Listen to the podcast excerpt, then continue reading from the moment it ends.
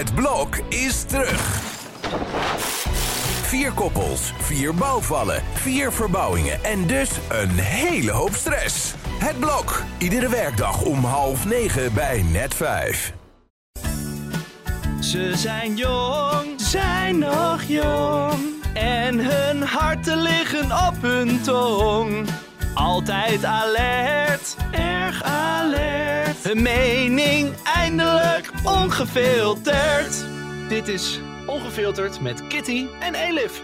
Daar zijn we weer met onze ouderwetse intro. Waarvan we een tijdje geleden hebben besloten dat we hem toch wilden houden, waarschijnlijk omdat hij cult is. Nu kreeg ik een berichtje van iemand op Instagram. Die was het daar niet mee eens. Die schreef dit. Viclay, bekende TikToker, die schreef me. Nee, Kitty, de intro-tune van jullie podcast is geen cult. Ik ben altijd drie uur ongemakkelijk en agressief als ik het per ongeluk niet doorspoel. Voor de rest leuke aflevering. Moeten wij ons hier wat van aantrekken of niet? Ja, ik weet niet. Het, ik merk echt, echt dat de fans eh, verdeeld, Verdeeld. zijn. Ja. Misschien moeten we een poll op onze Instagram zetten. Ja. En dan doen we gewoon wat de meerderheid heeft. Ja. Want wij zijn echte democraten. Wij zijn echte democraten. Dus eh, dat gaan we dan eh, na deze aflevering gaan we even een poll starten. Ja. Goed idee, goed idee. Ja. Oké, we gaan het vandaag hebben over ehm, vrouwelijke iconen. Want een groot vrouwelijk icoon is overleden. Queen Elizabeth. Nou, een icoon volgens sommigen en volgens sommigen niet. Dus we gaan het hebben over onderschatte en overschatte vrouwelijke iconen. En waarom worden sommige vrouwen gehaat en andere juist niet? Die dat misschien niet verdienen. Maar eerst willen we weten van Elif, waar heb je aan geërgerd? Ik heb weer een leuke horeca-ergernis. Of nee, eigenlijk gewoon een menselijke interactie-ergernis. Dat zijn bijna alle ergernissen. Wat ik dus heel irritant vind. Ik ben een beetje half doof. Of in ieder geval, ja, doof, niet doof. Maar ik, ik hoor, ik versta mensen vaak heel slecht.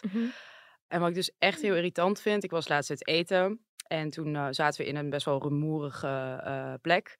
Vooral vrouwen doen dit trouwens. Mannen doen dit eigenlijk niet zo. En als mannen doen, vind ik het nog erger. Maar sommige vrouwen praten dus echt heel erg zacht.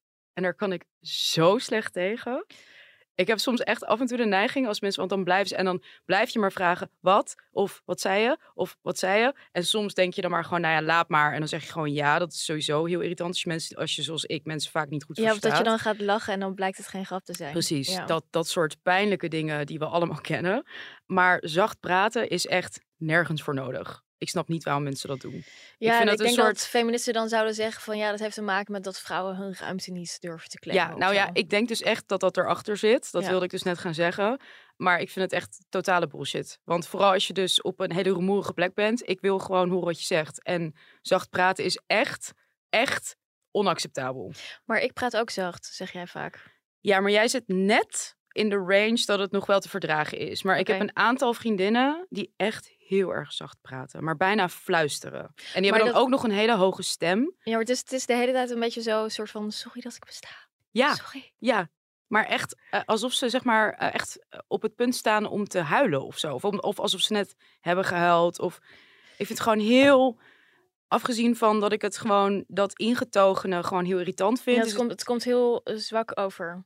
Ja, alsof Ja. je gewoon een, een gebroken lammetje bent wat in de wei ligt met drie gebroken poten en om hulp mekkert. Heel erg zachtjes. Ehm, maar mensen die heel hard praten zijn ook heel irritant. nou ja, dat ben ik dus. Dat Nee, hoor ik, vind heel niet, vaak. Ik vind niet, ja oké, jij zit dus voor mij ook dus op het acceptabele van hard praten.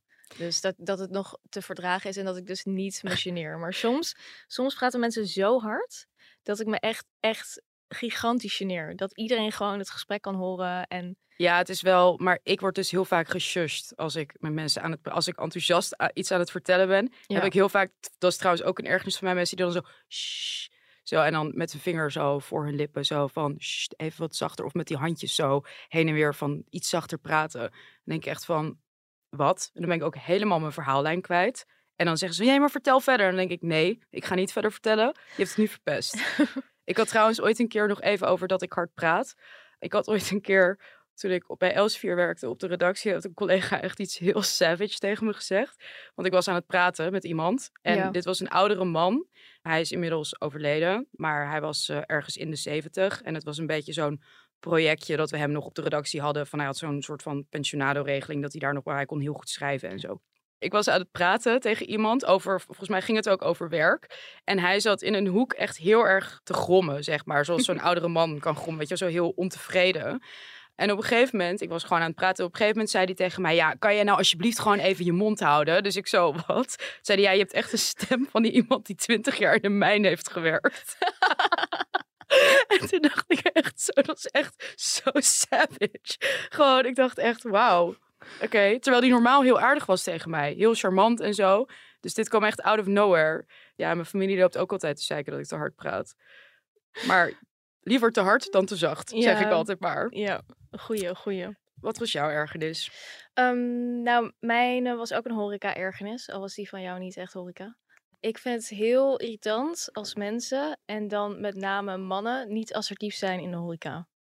Heel veel mannen hebben dit. Maakt niet uit of je bevriend met ze bent of met ze date. Maar dat ze dus niet assertief zijn en dingen regelen. Dat vind ik heel irritant. Mannen die niet gewoon even iets kunnen bestellen. Jij wil gewoon dat de man gewoon zegt van, eh, nou, we nemen die en die fles wijn. En Nou, dat voor, voor haar de salade en voor mij de steak. Toch? Nee, ik wil zeker geen salade als ik uit eten ga. Maar ik ben dus zelf introvert, maar ik vind het echt een soort wereldvreemdheid om dit soort dingen niet te kunnen. Ik vind het een soort onvolwassenheid. Dus je moet een soort van assertiviteit hebben, vind ik. Maar bedoel je dan bijvoorbeeld als er iets eh, mis is, weet je wel, dat heb je natuurlijk echt super vaak, dat er gewoon iets niet goed is of, of verkeerd of zo. Bedoel je dan dat iemand dan zegt, oh laat maar, en dan gewoon ermee dealt? Dan wil je dus iemand die daar, zeg maar, een Nee, ik hou echt totaal niet van zeikers de horeca. Ik ben zelf ook eerder iemand die zo denkt, nou, ik heb eh, prima, laat maar. Nee, ik bedoel echt als er echt iets fout is gegaan. Ja, dat is echt iets, oké, dan moet je dat natuurlijk wel kunnen zeggen. Maar je hebt gewoon sowieso best wel veel mensen die gewoon niet goed kunnen bestellen. Die gewoon goed de aandacht weten te trekken. Die gewoon, snap je? Ja. Dat dat zo, ik ben vaak degene die dit doet.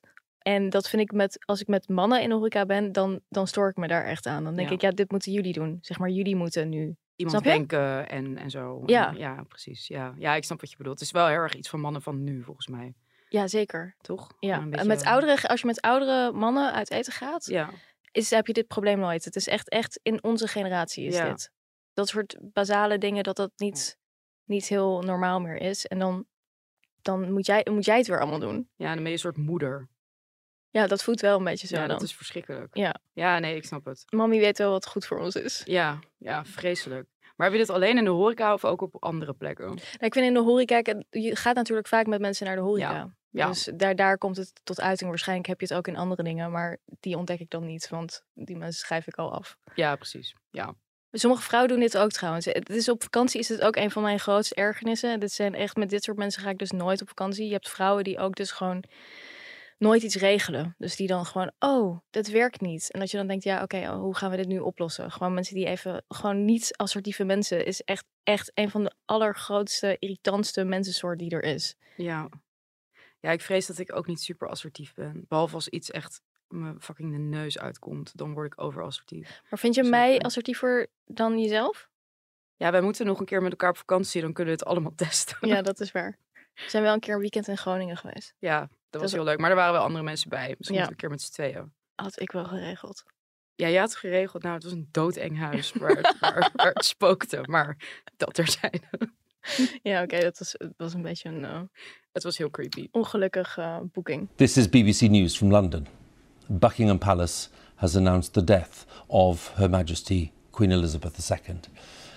In a statement, the palace said the Queen died peacefully at Balmoral this afternoon. We gaan het eh, hebben vandaag over vrouwelijke iconen. Ten eerste natuurlijk Queen Elizabeth. Hey lief, ben jij fan? Of was jij fan? Ja, Ja? Ontzettend. Serieus, echt wel een beetje emotioneel ervan. Echt? Ik vond het echt wel erg. Ja, serieus. Oké, nou ik kreeg wel even, toen ik het zag, kreeg ik wel zo'n soort lichte schok door mijn lichaam toen ik het las op Twitter. Maar al heel snel vond ik echt dat social media echt de grootste cringe plek in tijden werd. Vond jij dat ook? Cringe vanwege emotie of cringe vanwege dat er direct binnen een half uur nadat het gebeurd was, mensen waren die zeiden: ja, maar kolonialisme en imperialisme en grootste onderdrukkende rijk ter wereld, bla bla bla bla bla. Gewoon echt binnen een uur nadat ze was gestorven. Ja, ik wil het ook even hebben over een, ehm, een tweet die ik eh, zag van. ehm, dat kwam de volgende dagen op gang. Je had zeg maar aan de ene kant dus de mensen die begonnen met... ehm, oh, allemaal vreselijk en inderdaad gewoon de standaard dingen. Ook allemaal wel redelijk ehm, gratuit. Maar goed, whatever, dat hoort er waarschijnlijk bij. Maar al heel snel kwamen dan de hot takes. Waaronder deze van Jelle Brand Corstius. Dat een vrouw die doodgaat op de respectabele leeftijd van 96, die toevallig koningin is geweest door geboorte, wat inhoudt dat je 70 jaar een beetje zwaait en af en toe minzaam lacht, al dagenlang het wereldnieuws beheerst, vind ik niet te bevatten. Dan denk ik echt, Ja. serieus, gewoon, het is echt. Dit, dit zijn dezelfde soort mensen die zeg maar religie dan. Ja, het is gewoon eh, zo dom dat mensen denken dat een. eh, iemand- sprookjesboek. een sprookjesboek. Ik denk echt gewoon zo totaal geen blijkbaar interesse in traditie of wat dan ook. Alles moet zo plat geslagen worden en Ja, snap je? En ik heb ook helemaal niks met, met, met dat mensen gaan huilen voor Buckingham Palace. Maar waarom moet altijd alles meteen zo plat worden gemaakt? Nou ja, vooral ook dat van ja, dat ze dat dan is per geboorte. En dat dat dus per definitie eigenlijk alles wat daarna zou komen disqualificeert. Dat vind ik ook. Er zit zo'n echt zo'n hele Hollandse afgunst in, vind ik. Ja, je hebt het wel overal, want je zegt natuurlijk in Engeland ook. Maar goed, dan, dan baseren mensen het misschien wel op ander soort dingen. Maar misschien is het ook cliché om te zeggen, er is een tijd, een plek of zo voor alles. Maar het plezier waarmee mensen dan meteen op een soort een nare manier Ja. daarover gaan praten. Of een soort van, oh kijk mij even, een soort van rebelse take. Dat ik echt denk, ja, Ja. het is niet rebels, het is niet interessant. Gewoon, het is Nee. echt totaal niet boeiend. Zeg gewoon niks. Je bent net zo oninteressant als de mensen die zeg maar sentimenteel nu gaan huilen en doen alsof hun eigen moeder is overleden. Dus Ja. ja, Charles moest het ook meteen ehm, ontgelden. Ik, ik ben dus wel best wel eh, fan van Charles. Jij niet? Ik zie je heel bedenkelijk kijken. Mm, ja, nee, niet eh, direct, nee. Ik vind het een hele grappig man. Ja, er was een tweet ehm, eh, die viral ging ook van, ehm, of beelden van eh, Prins Charles, dat hij dan zo heel boos, zeg maar, wilde dat iets weg werd gehaald. Pennenbakje. Ja. maar daar wordt iedereen dan ook weer boos over. Terwijl ik vond het eigenlijk wel best wel grappig. Ja, ik vond het wel echt heel onsympathiek. Ja, maar waarom, waarom willen de hele tijd dat royals normaal doen? Kijk, ze moeten niet een soort monsters of zo zijn. Maar ik vind het ook weer typisch in Nederland is dat ook de hele tijd van... Ja, we willen dan dat Amalia zo normaal mogelijk... en dat zij niet, weet ik veel, een jacht hebben... of niet een zus en niet een zoon. En dan denk ik, ja, wil je een koningshuis of wil je geen koningshuis? Want het is gewoon, of je hebt een koningshuis met al deze dingen en met privileges. Dat is het idee van een koningshuis. Of je hebt geen koningshuis. Je kunt het zeg maar niet mixen met elkaar. Dat ze de hele tijd normaal moeten doen. Ja, maar ik vond dus juist hoe hij dat pennenbakje wegschoof met dat gezicht erbij, Ja. vond ik dus juist heel erg niet Koningshuis. Omdat het zo primair was. Ik Ja, vond ik dat er- helemaal niet royal. Maar ik, zag, gewoon zag er wel een soort ironie in. Volgens mij bedoelde hij het ook een soort van ironisch. Hij, hij is ook best een ironische man. Ja, maar hoe, hoe is dit ironisch? Hoe, hoe is dit ironisch dan? Ja, ik weet niet, ik had het idee dat, die zijn blik... valse kop van hem erbij. Ja, ik weet ik niet. Ik vond het echt heel. Ik dacht echt, als dit naar mij gericht was, ik zou echt gewoon. Echt zo'n nare oude man werd het in één keer. Toch? Nee, ik vond het dus heel chill. Ik heb het heel vaak eh, herkeken. Ehm, maar ja, we gaan het dus hebben over vrouwen vooral. En ja, dit is een van mijn eh, grootste fascinaties. En dat is ehm, Camilla. Een van de meest gehate vrouwen in Engeland en misschien ook wel daarbuiten. Dat de echtgenote van Charles. Koning Charles, wow. Omdat zij natuurlijk, eh, nou goed, zij krijgt de schuld van dat het huwelijk tussen Lady Diana en tussen Charles niet heeft gewerkt. En Lady Diana, ik denk dat dat een van de grootste, als we het hebben over overschatte iconen, dat Lady Diana wel gewoon echt op nummer 1 staat ongeveer. Kijk, het ding is dus, er wordt heel erg gezien van eh, Charles en Camilla hebben iets verschrikkelijks gedaan en die arme Diana, dat was de onschuldige 19-jarige vrouw en die was eigenlijk perfect en iedereen hield van haar, maar die kut Charles, die wilde haar maar niet en die ging voor die vreselijke, lelijke Camilla Die heks. die heks. En ehm, dat is gewoon eigenlijk niet hoe het is. Want ik, ik heb dus echt wel het idee dat dit, waarschijnlijk de komende jaren, dat we daar echt anders naar gaan kijken. Maar het, het verbaast mij dat het nog niet echt op gang is gekomen. Namelijk gewoon, Camilla en Charles zijn eigenlijk het echte liefdesverhaal. Zij zijn altijd verliefd op elkaar geweest, vanaf jongs af aan. Zij mocht niet met hem trouwen omdat ze geen maagd meer was. Dat was het. En ook omdat ze katholiek was. Maar goed, Kate Middleton die is later wel dus bekeerd. Nou goed, dat is eigenlijk heel naar, toch? Dat zij weggehouden werd van hem. Terwijl echt al duidelijk was dat, dat Charles, uh, hij hield heel erg veel van Camilla en hij wilde eigenlijk met haar trouwen. Dat had hij ook gewoon aangegeven. En hij is dus weggestuurd ver weg om hun uit elkaar te drijven. En toen hij terugkwam, toen is was zij dus getrouwd met iemand anders. Ook omdat ze natuurlijk wist van oké, dit gaat niet werken. En ze was ook verliefd op die andere man. Andrew Parker Bowles heet hij volgens mij. Nou goed. Toen is uh, Charles eigenlijk gedwongen door de familie om met Diana te trouwen, waar hij geen interesse in had. Maar hij werd zo gepusht om dat te doen, dat hij is bezweken om dat te doen. En hij was eigenlijk al die tijd verliefd op Camilla. En ze hebben het wel geprobeerd met Diana om dus, nou goed, dat huwelijk. Maar zij hadden eigenlijk helemaal niks. Ze hadden niks gemeen. Camilla en Charles, die houden allebei van um, paardrijden, van boeken lezen, van allerlei soorten dingen. Er zijn ook wel eens gesprekken van hun uitgelekt. Nou, bekend is natuurlijk uh, Tampongate. Ja. Daarover later meer. Maar de rest van die gesprekken zie je dus ook van dat ze heel liefdevol met elkaar omgaan. En dat ze dus echt heel veel interesse in elkaar hebben en zo. En Diana was eigenlijk een soort kind. Dus het was gewoon een 19-jarig meisje waar hij helemaal niets mee had. Terwijl Diana was, wordt dus gezien als beeldschoon. Ik vind haar zelf niet super knap. Ik vind haar niet lelijk, maar ik begrijp nooit waarom zij zo wordt gehyped. Ik vind wel dat ze een hele coole stijl had en zo. Toen ze eenmaal gescheiden was. Maar ik ben niet echt kapot of zo van haar. En Camilla wordt de hele tijd gebashed van... Oh ja, wat zag hij in dat lelijke wijf? Terwijl ik dan echt denk van... Dat is, vind ik juist heel veel voor hem zeggen. Dat hij viel echt op Camilla haar persoonlijkheid ook. En hij vond haar wel heel leuk en wel heel mooi. En Camilla is dus iemand met echt een persoonlijkheid. En die heel grappig is en heel slim. Zo beschrijft iedereen ook haar. En Diana, ja, dat was gewoon een soort kind waar eigenlijk niet zo heel veel bij zat. Dus ik vind eigenlijk heel veel voor te zeggen dat Charles voor Camilla koos. Dat hij verliefd was op haar. En ik denk dus ook echt dat als het omgekeerd was geweest, als dus Diana niet mooi was geweest en Camilla beeldschoon, dat we het allemaal heel anders hadden gezien. Dan was het waarschijnlijk geweest van ja, dat was het echte liefdesverhaal. Maar moest hij met dat lelijke adellijke wijf trouwen, zoiets. Maar het is dus echt, het wordt dus echt wel heel erg gedreven door, door het idee van ja, Camilla is niet mooi genoeg of zo. Maar ze is, ook niet, ze is ook niet per se lelijk. Ze is niet lelijk. Maar ze, is, ze heeft een heel erg 70s voorkomen, vind ik. Ja. Gewoon een oudere vrouw uit de 70s. Ja. Zo ziet ze eruit. Ja.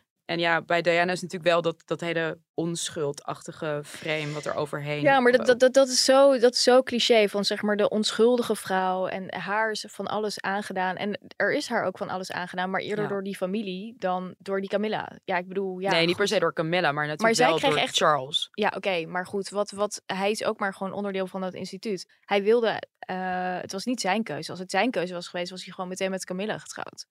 Ja, maar hij is dus een, nou eenmaal onderdeel van dat instituut waar je dus of onderdeel van bent of niet. En als je er onderdeel van bent, dan moet je met die Morris meegaan. Ja, maar het is gewoon een tragische loop van omstandigheden. Ik bedoel, Diana had ook niet mee kunnen gaan met dit huwelijk. Maar dat, ja, zij wilde ook gewoon graag die rol. En, uh...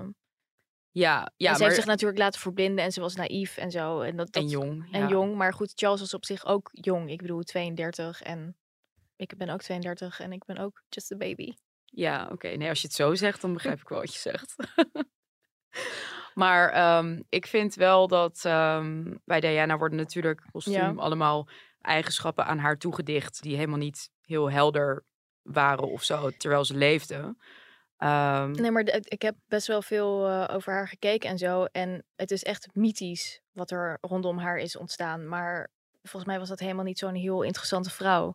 Je hebt ook Hilary Mantel, die schrijfster, die heeft ook wel eens uitgebreid over haar geschreven van ja, dat die verheerlijking, dat dat gewoon echt helemaal nergens over gaat. Toen kreeg ze ook heel Groot-Brittannië over zich heen van woedend over dat zij iets zei over Diana, want dat is natuurlijk gewoon een heilige. Ja.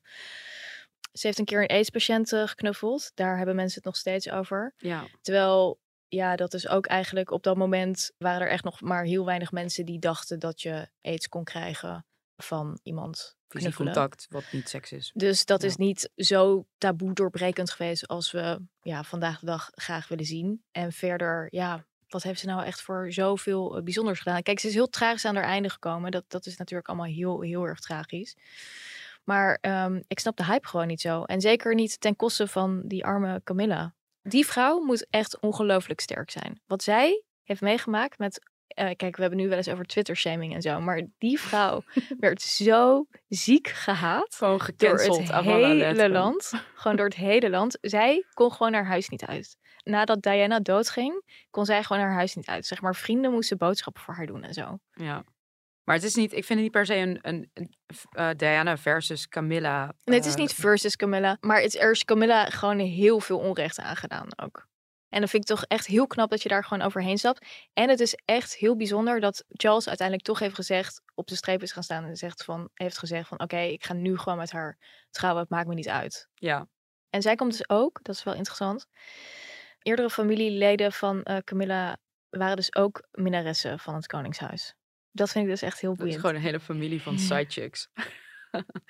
Ja, daar waren wel echt heel mooie memes van nu. Van, Ja. ehm, Van de overwinning van de sidechick. Ja. ook daarom, ook daarom is Camilla een toch een soort van heldin. feministisch icoon. Hoop voor alle, alle minnaressen wereldwijd. ja, Word je gewoon you can make it. Ja. Ja. Moet wel even wachten. Je moet wel geduld hebben. Maar jij volgt dus ook wel best het Britse Koningshuis. Dan ben ik wel benieuwd, wat vind je van de Maxit? Eh, ik was in het begin best wel fan van Meghan Markle. Dat onconventionele vind ik altijd heel leuk in dit soort stuffy settings.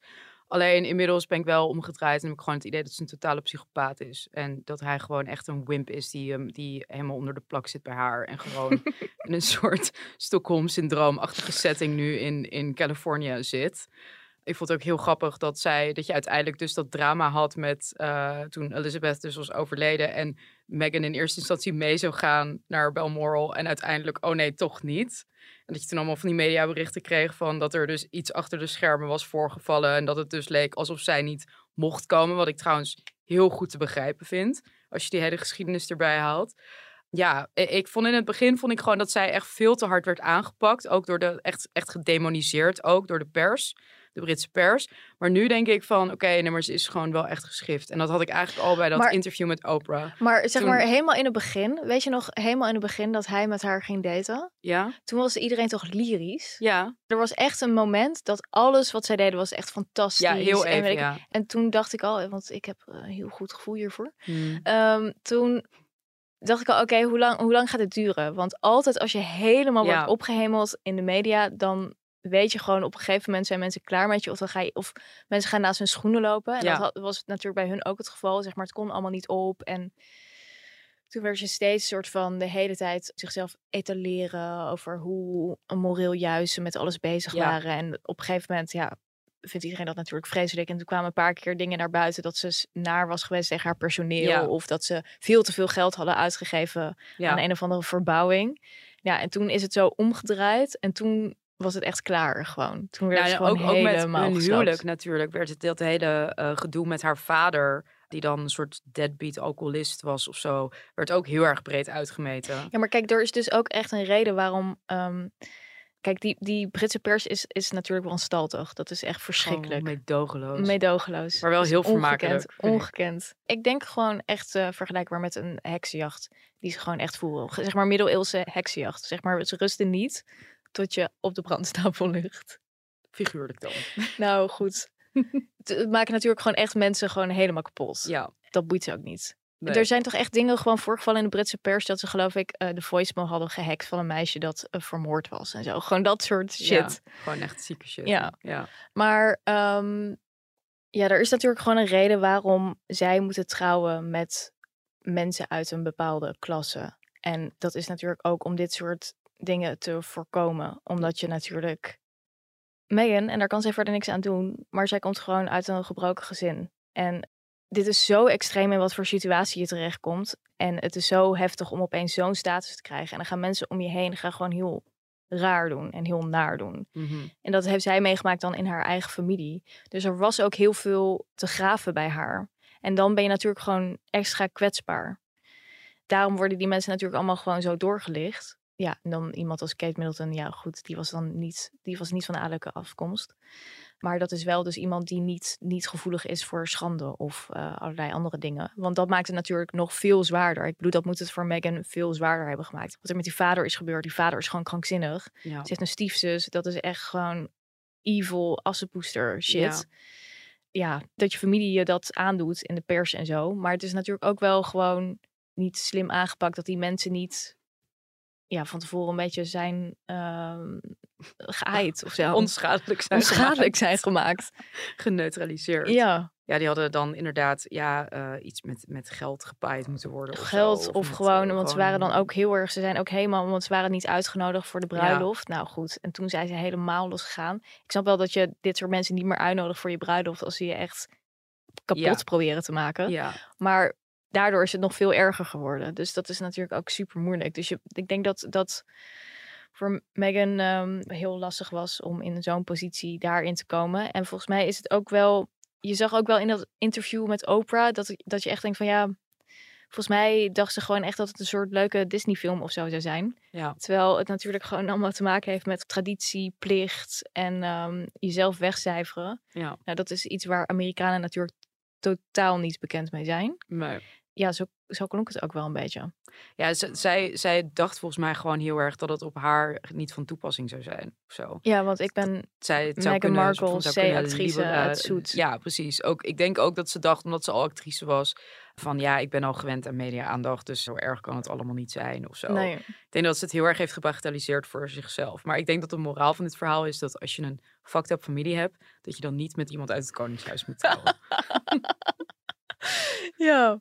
Maar ehm, ik weet niet. Ik eh, vond het wel goed dat ze toch weer nu een beetje proberen te lijmen. En waarschijnlijk zijn er ook wel echt super nare dingen voorgevallen. Ehm, het lijkt me niet een hele gezellige familie. nee. Al is het ook natuurlijk wel weer zielig voor Harry dat hij dan zo helemaal ver is. Maar goed, het is een volwassen man. Ja, hij heeft zich ook natuurlijk heel erg laten, ja, hoe zeg je dat? Pussy whippen, toch? De- denk je dat? Ja, zo vind ik het heel erg overkomen. Ja? Ja, toch? Waar maak je dat dan uit op? Ja, dit klinkt dan weer zo heel erg amateurpsycholoog, maar zeg maar uit hun hele lichaamshouding en zo. Het feit dat, ze, dat zij ook elke keer aan elkaar vast, zich elkaar vasthouden, handjes vasthouden. Ik las ook dat ze het blijkbaar onverdraaglijk vinden als ze een paar dagen uit elkaar zijn, fysiek. Nou, dat is echt al een, een enorm teken van echt toxic relatie. Dat is echt een liefde, Elif. Nee, dat is gewoon zieke shit. Dat heb ik ook bij jou. Oh, doodeng. Als je hen naast elkaar ziet lopen, dan denk je echt, ja, die jongen is gewoon een schim van zichzelf. En die is gewoon geconsumeerd door haar. Ze zijn allebei zo ehm, humorloos ook. Ja, dat vond ik bij Oprah dus inderdaad ook heel ja, erg. ik snap wel, het was een serieus onderwerp, maar ik vind Meghan... Ik snap haar keuzes en zo heel goed. En ik snap dat ze gewoon daar klaar mee was. En ik denk ook wel dat je een grens bereikt van wat je kunt hebben qua pers. En zeker met dat verleden natuurlijk van Diana. Want die, die is gewoon eigenlijk chased down Ja. door die paparazzi. Wat gewoon mede heeft geleid tot haar dood. Dus dat is natuurlijk echt, echt heel ziek. En als je dan weer die pers en zo achter je aankrijgt. Maar ik vind haar gewoon niet zo heel leuk of zo overkomen. Het is nee. gewoon niet echt een hele leuke vrouw. Nee, ze heeft niet echt een persoonlijkheid of zo. Nee, zo voelt het. Ja, Want dat zeggen mensen over Kate ook, hè? Van die heeft ook niet echt een persoonlijkheid. Dat is een beetje wat je moet hebben, want je moet gewoon broeden. ja. Diana had natuurlijk ook niet echt een persoonlijkheid. Camilla wel, daarom is ze had leuk. wel het idee dat Diana meer een persoonlijkheid had dan Kate Middleton. Of Ja, ik vind niet echt dat er uit interviews blijkt dat zij echt een eh, persoonlijkheid had. ik vond haar altijd heel levensmoe en dat vind ik wel leuk altijd. Lady, eh Lady Di. Di, ja. Ja? Ja. Ja, met die soort van slaperige blik. Ja, en maar ook dat van zwaar op de hand of zo. Dat soort van, pff, weet je wel, van, het wordt me allemaal aangedaan. Zo kut. Ja, ik heb dan toch iets meer met de energieke Camilla die het heft in eigen hand neemt. Ja, ik weet niet of ik het daar helemaal mee eens ben. Agree to disagree. Ja, Eh, maar we hadden nog andere eh, vrouwen die we overrated en underrated vinden. We hebben een heel lijstje gemaakt. Jij mag beginnen. Welke vrouw vind jij eh, overrated? Qua vrouwelijke iconen die echt de hele wereld, ehm, Michelle Obama. Ja? Ja, want dat vind ik echt een schoolvoorbeeld van iemand die alleen vanwege haar man bekend is en geroemd wordt. Ze heeft wel echt eh, drie masters of zo, hè? Ja, Van dus ik heb ook twee masters. Ja, Ja, je echt- mij- Van echt goede universiteit, Elif. Ja, maar zoiets. sinds wanneer word je geroemd omdat je drie masters Nee, maar ze is wel gewoon... Ze is geen dombo of zo. Nee, maar het is wel, ze is natuurlijk wel vanwege haar man, eh, heeft ze zeg maar heel veel mogelijkheden gekregen om zichzelf te etaleren. En het gaat het in is haar geval ja. heel veel over wat ze aan heeft. Ja, maar het is vooral ook gewoon die branding daarna met dat boek en zo. Ja. Ik was dus in dat boek begonnen. Nou, dat is echt Ja, verschrikkelijk. dus niet doorheen te komen, Dat is echt verschrikkelijk. En dat verkoopt dan gewoon hele eh, congresszalen uit. Is echt Ehm, en als je haar dan wil interviewen, hoorde ik, dan mag je alleen maar drie vragen via de mail. Ja, allemaal dat soort dingen. ja. Nederlandse pers, als ze haar wilde interviewen. Dan denk je ook, wat heeft ze in die acht jaar Obama-tijd gedaan? Ze heeft een beetje proberen dikke kinderen te laten sporten. Maar Ja. volgens mij is dat het wel een beetje. ja, en is dat nou echt gelukt? nee, Zo grapje. wist je dat Camilla zich heel erg inzet voor Oh my god. trauma-slachtoffers en seksuele slachtoffers van seksueel geweld. Ja, dat vind ik een, een goede, goede cause. Maar dat Ja. vind ik eigenlijk van dikke kinderen laten sporten ook wel. Alleen is ook wel weer heel erg dat ik denk, ja, oké, in acht jaar tijd. Je wordt als first lady ook, wordt er ook wel een beetje van je verwacht dat je eh, heel veel eh, charity dingen doet, zeg maar. Ze kiezen altijd iets uit waar ze zich dan mee bezighouden. Dan denk ik, ja, oké, in Amerika is dit wel I'm een gonna heel... go with the fat kids. Ja, maar dan denk ik, ja, daar heb je veel eh, supply voor, zeg maar. Je kan er heel veel... Alles wat je kiest eigenlijk is toch, komt toch altijd wel sympathiek over. Eh, ja, wat was het bij Melania Trump? Cyberbullying. Ja, Terwijl haar man gewoon elke de grootste ochtend bully op wakker, wakker werd op Twitter en echt iemand helemaal kapot maakte. Dat was echt fantastisch. Ja, ja, dat was wel. Maar ja, ik had bij haar ook een beetje wat ik bij Diana had. Dat je gewoon heel erg haar. Bij Melania heb ik het nu Ja. niet over Michelle Obama. Maar dat, dat die houding, zeg maar, dat je heel erg, dat heel erg voelt, zeg maar. Had jij dat niet? Ja, ik vond Melania eerst best wel vreselijk. Ja. Eh, maar toen hoorde ik dus een keer dat ze helemaal zat te zeiken tegen haar assistent, die dit natuurlijk heeft gepubliceerd. Want dit is hoe het gaat in Amerika. Gewoon echt niemand. Oh, over het kerstdiner. Over het kerstdiner. En dat ze dan de kerstboom moest optuigen.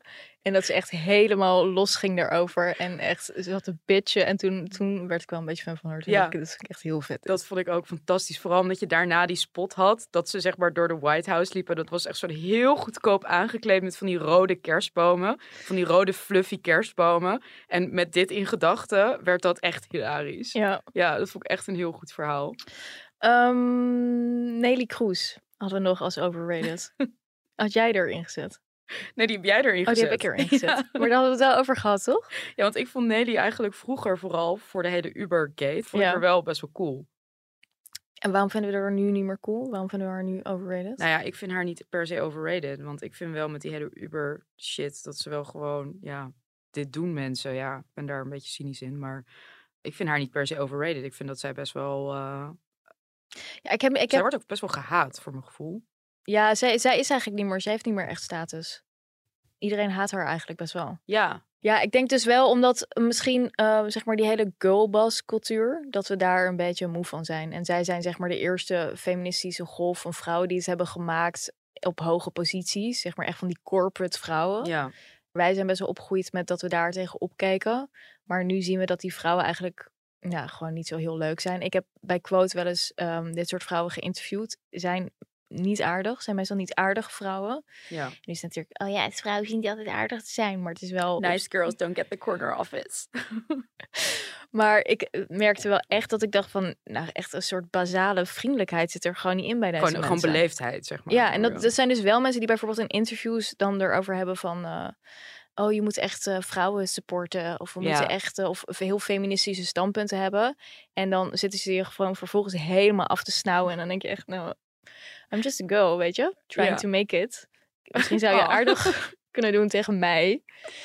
Dat soort dingen. Ja. Dat, dat vind ik dan wel opvallend. En dat is echt een heel bepaald type, Type- corporate vrouw. Ja, ja, ik snap die zijn gewoon zo gehard. Ik denk omdat ze zo hard hebben moeten vechten voor alles. Dat er een soort overassertiviteit bij Ja. zit. Die echt heel onprettig is om bij in de buurt te zijn. Ja. En dat, ik denk dat Nelly ook zo is. ja, die is daar wel een beetje het schoolvoorbeeld van. En Barbara Baarsma, die je er ook in hebt gezet, Ja, is Oh, natuurlijk ja. ook uit die heel uit die onsympathieke school. vrouw is dat ook. Ja, Dan zeggen ze ja, dat is seksisme als een soort van. Maar het zijn gewoon hele harde, koude vrouwen die een beetje Barbara Barsma of zo. Ik hou, wel, ik hou wel op zich van bitches, zeg maar. Ik, ik hou wel gewoon van echt bitchy vrouwen. Maar ehm, Barbara Baarsma, die heeft echt wel gewoon iets totaal wereldvreemd. En dat heb je vaker met economen. Niet alleen met vrouwelijke economen, maar dat Ja. ze gewoon, gewoon niet helemaal... Dat je echt technocratisch. Mensen, gewoon, waar heb je het over? Toen ze dus begonnen een tijd geleden over dat, eh, wat was het? Eh, CO2-budget.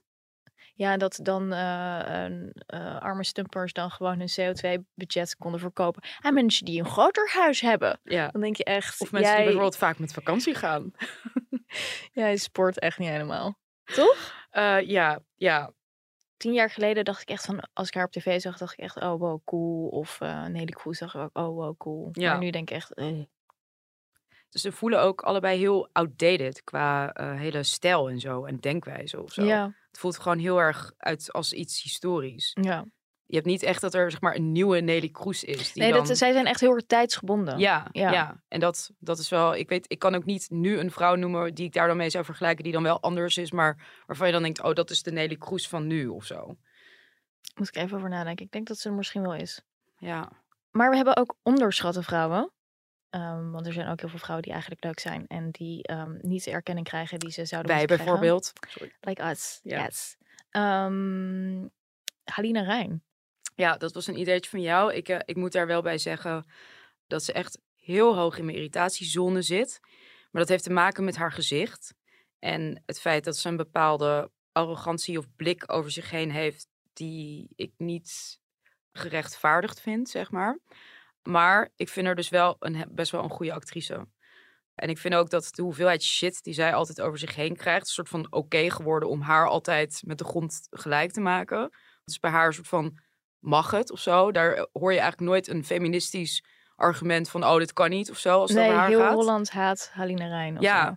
En dan denk ik altijd, ja, waarom eigenlijk? Dat vind ik best wel gek. Ja, ik denk dat misschien dat het ooit zo is gegroeid of zo. Dat zij en Carice een beetje worden Ja. gezien als hele zelfingenomen types. Ja, maar bij Carice kreeg, krijgt altijd wel echt veel minder haat dan Ja, dat is wel zo. Maar Halina, ik weet niet waardoor dat komt. Ik denk omdat Carice knapper is, dat, dat mensen dan misschien minder... Ja, conventioneel knapper. Ik vind Halina eigenlijk best wel interessant om te zien. Ik vind haar niet onaantrekkelijk of zo. Ik vind haar best knap. Ja, ik vind niet, niet, nee, niet, ja, niet knap inderdaad, maar misschien, ja, goed, ook niet lelijk, maar... Nee, maar ik vond haar vroeger dus ook heel irritant. Ik denk misschien meer dat soort van heel erg zo, kijk mij, en Ja. heel zelf ingenomen. Dat beeld is blijven hangen. Maar toen zag ik haar dus een tijd geleden, zag ik haar een keer een interview. En toen dacht ik, oh, je bent eigenlijk best wel leuk. En ze is een super goede actrice. Ik vind haar een hele goede actrice. Zij kan echt heel veel verschillende rollen spelen. En Mm. ehm, nou goed, acteertalent is toch een beetje schaars in Nederland, laten we eerlijk zijn. Gewoon mensen die echt goed kunnen acteren. Ja. Nou, dat kan zij zeker. En Chris van Hout ook. En dan Ja. heb je nog een paar andere mensen. Maar over het algemeen Nederlandse series of zo, ja, dat, dat is echt altijd echt redelijk gênant. Ja, dan wil je echt je ogen uitkrabben. bij Ja. die, eh, En nu heeft ze dus eh, een film gemaakt in Amerika. En ik vind het dus ook heel vet dat zij gewoon best wel veel haters heeft ze. En dan gaat ze gewoon naar Amerika en dan gaat ze gewoon een film maken. Dat vind ik dus echt heel tof. ja. En die film die heb ik afgelopen weekend gezien. Oh, was die leuk? Ja, ik vond hem best wel tof. Eh, ik hou totaal niet. Het is een enge film, dus het is een thriller slash horror. Ja, dat vind ik dus echt fantastisch. Ja, daar hou jij van, hè? Ja, ik hou er helemaal niet van. Ik ga daar nooit heen. Maar omdat het dus toch Hollandse trots was, dacht ik, ik wil zien wat Haline Rijn heeft gemaakt. En ehm, ik vond hem vermakelijk. Maar hij was wel, voor mij doen, wel gewoon eng. Ik denk dat heel veel mensen echt denken, "Pss, dit Maar eng?" was die eng in de zin van dat je niet kon slapen daarna? Of, Nee, nee, dat ik wel niet. de grens. Of Nee, dat niet. En er zit ook een heel grappige plot twist aan het einde, waardoor het niet meer is. het verhaal eigenlijk niet meer zo eng is. Ja, ik vond het een hele vermakelijke film en ik was echt wel onder de indruk. Dus eh, ga vooral die film zien. Bodies, Bodies, Bodies. Ik denk eh, dat Halina Rijn eh, na deze film, want dit is wel, als je het maakt in Amerika, dan zijn Nederlanders opeens heel trots en blij met je. Ja, dat is waar. Dat Ja. is waar. Je had er nog iemand op het lijstje gezet, Sylvana Simons. Ja, die vind ik dus echt... ehm, nou Als ja, onder, onderschat iemand. Chronisch onderschat, ja. Want ik denk dat niemand in 2000, wat is het, 2003 of zo, toen zij TMF-host was. TMF, weet je dat nog? VJ. Ja, VJ inderdaad. Video jockey. Mhm. Ehm, nu voel ik me echt zo'n boomer. Boomer. Maar, ehm, dat zij eh, het zou schoppen tot, nou ja, dat klinkt alsof het heel bijzonder is als je Tweede Kamerlid wordt. Maar toch in dit geval vind ik dat wel. Dat zij gewoon die partij heeft opgebouwd. Terwijl van, de, van die ideologie en de standpunten kan je echt van alles vinden, denk ik. Maar ik vind dat zij het gewoon echt wel heel goed staande houdt in die, die totale, toch wel vijandige kutomgeving. Ja, en ik vind dat ze dat heel knap doet. En eh, ik vind ook wel dat ze echt onevenredig vaak gebashed wordt om haar toon of om haar boosheid. Dat is natuurlijk een ding wat zij zelf vaak aanhaalt van ja, de boze zwarte vrouw als cliché. Ja, Uh, maar zij wordt daar echt wel heel vaak op aangepakt. En daarvan denk ik, ja, ze, ze heeft een, nogmaals, ideologie waar ik niet mee eens ben, maar ze is er wel, zit er wel gepassioneerd in. En ze komt gewoon super goed uit haar woorden. En dat niet vind ik normaal. Dat is echt, echt heel knap. zo knap hoe ze betogen opbouwt. Terwijl het ook begrijpelijk is. Ik vind haar, denk ik, verbaal een van de sterkste Kamerleden die we hebben. Ja, daar ben ik het wel mee eens. En ik mm, denk ook wel ja, dat zij daarin totaal is onderschat. Dat mensen echt dachten van, oh, wat een grap dat zij de Kamer in komt. Maar het blijkt dus wel dat ze gewoon supergoed kan praten, supergoed kan argumenteren. Ja, deed me denken ook aan een interview wat ik las met, even een zijspoor, met eh, Team F VJ's uit die tijd. Weet je nog, met Georgina Verbaan en noem maar Mhm. op. Dat ging over al het seksisme wat zij in die tijd over zich heen kreeg, wat eigenlijk de normaalste zaak van de wereld was. ja. Dat niemand, dat, ja goed, de tijd is en zijn natuurlijk heel snel veranderd. Dat binnen 20 jaar tijd, dat heel veel dingen gewoon, die vinden we niet meer normaal. En een van die dingen was dat eh, Georgina Verbaan stond in een Playboy. En dat had ze gedaan omdat ze een of andere belastingsschuld had waar ze van af moest. En toen dacht ze, oké, fuck it, ik ga gewoon in de Playboy staan. Nou, er was heel veel te doen over haar borsten, of die borsten wel of niet echt waren. En daar werd ze zo eh mee gestalkt, of dat waar was, ja of nee, dat ze uiteindelijk een röntgenfoto heeft laten maken van haar borsten. En die op de voorpagina van de Telegraaf heeft laten afdrukken. En dat vond ik echt zo hilarisch. Dit verhaal ken ik helemaal niet. Nee, is dat is echt, dat is echt smullen. Op de voorpagina. Op de voorpagina. en dat is gewoon afgedrukt. Wat een prachtige toen- krant is dit toch? En hè? toen, en toen was de discussie ook gewoon klaar. Maar ik vind het zo vet dat ze dat heeft gedaan. Vind je niet? Dit is echt een heel goed verhaal, ja. Ja. Dus ook nog iemand die onderschat is, Georgina Verbaan. Want het is echt een Zij van heeft de, heel veel humor. dat is een van de ja. allervetste acties ooit, denk Ja, ik. dan ben je echt... in, de, in de Nederlandse media. Ja, dit is wel echt, dan boeit het je echt geen fuck. Nee. Fantastisch. Ehm, nou goed, genoeg eh, goede en minder goede vrouwelijke iconen besproken. We gaan door naar eh, een belangrijke andere rubriek. De Hatefluencer van de week.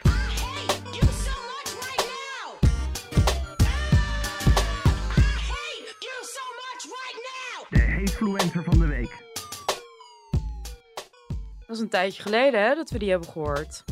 Ja, we hebben lang niet gehaat. Nou ja, goed, niet op deze manier gehaat. Nee. Jij had een tweet uitgekozen en dat was de volgende tweet. Van Peter Breedveld, het frontaal naakt. Als reactie op ongewenst gedrag bij F1 in Zandvoort. Ik heb me nog nooit zo vernederd gevoeld. Dat ging dus over meerdere vrouwen die aangaven dat ze, of zeiden dat ze, dat ze wat was het? Ja, lastige gevallen, Lastige eh, seksistische opmerkingen Ja. aangeraakt. Volgens mij ook gewoon ja, grensoverschrijdend gedrag. Ja. Tijdens de Formule 1 eh, Ja. door, door dronken supporters. En hij reageert: Uitgaan en feestvieren in Nederland is vooral de gore huf eruit hangen, de lompe lul. Andermans plezier bederven, een maximum aan overlast veroorzaken, alles versteren en verkankeren. Kortom, Hollander zijn. Waarom heb je deze uitgekozen, Elif? nou, omdat ik hem heel treffend vond. Ja? Ehm, ja, en ehm, er is een, een bepaalde manier van je gedragen tijdens eh, stappen en uitgaan, die echt alleen maar in Nederland voorkomt. Ja, kijk, dat hele grensoverschrijdende eh, is natuurlijk iets anders dan dat je gewoon een lompe hork bent. Ik wil het even hebben over de tweede categorie, dus ik heb het nu even niet over seksuele intimidatie en dat soort dingen. Maar gewoon dat je gewoon brallend, lallend, kotsend, zwetend door de straat waggelt, heel veel geluid maakt. Ik kan me daar zo kapot aan ergeren. Aan gewoon dat die chimpansee shit van die Hollandse gasten. Ja, hier maak ik geen vrienden mee, dat weet ik nu al. Nee, maar ik zit even te denken, want bijvoorbeeld, het komt heel erg voor natuurlijk uit een bepaalde drankcultuur. Ik zit te denken, je hebt dat in Duitsland en Engeland heb je dat natuurlijk ook, in Amerika ook. Engeland heeft het ook heel erg, ja, dat klopt. Maar bijvoorbeeld Frankrijk en zo heb je het volgens mij niet. Nee, niet op die manier. Niet nee, op dat, je ziet dat, ook gewoon dat nooit... goren, zeg maar, wat het ook dat- heeft. Ja, dat. Dat, dat apengedoe. Ja. Echt apen. ja, mannen in groepen zijn echt heel vervelend. Ja, dat Echt- is, dat is bijna nooit vervelend. leuk. Nee, nee. En altijd hele irritante, beledigende opmerkingen. En als je dan... Je kunt eigenlijk nooit goed doen als vrouw als je er iets van zegt. Dan ben je. Ja, en als je niks denkt- zegt, dan heb je capsones. Dan gaan Ja. ze je naroepen en zo. Het is Ja. verschrikkelijk. Ja. Het is echt heel onaantrekkelijk. Ik denk niet dat Nederlanders echt zo'n beeld hebben van zichzelf. Van, terwijl als je eh, van, dit is wat wij doen. Terwijl het komt toch wel echt best wel vaak voor. Zeg maar hooligan geweld. Ja, In het buitenland ook. Dat het gewoon echt buitenlanders ook echt Ja, dat wij die- altijd voor lul staan als, Ja. als, als er groepen Nederlanders ergens naartoe gaan. Ja, en dat ze gewoon een hele, eh, hele stad in Italië was Gewoon- dat toch ook Ja, in Rome was dat toch? Of Ja, dat was dat? Dat ze de de hele stad afgebroken. Ja, maar dat is toch Oh, dat erg? is echt zo gênant. Dan schaam je je toch kapot? Ja, dat is echt heel erg, ja. Ik weet niet of het per se door drank komt. Ik bedoel, in andere landen drinken ze ook. Ja, ik weet het niet. Het is, het is echt heel raar. Ik vind het heel specifiek aan West-Europa, Noordwest-Europa. Ja, maar. Roemenen en zo doen dit eh, denk ik ook wel hoor. Of Russen.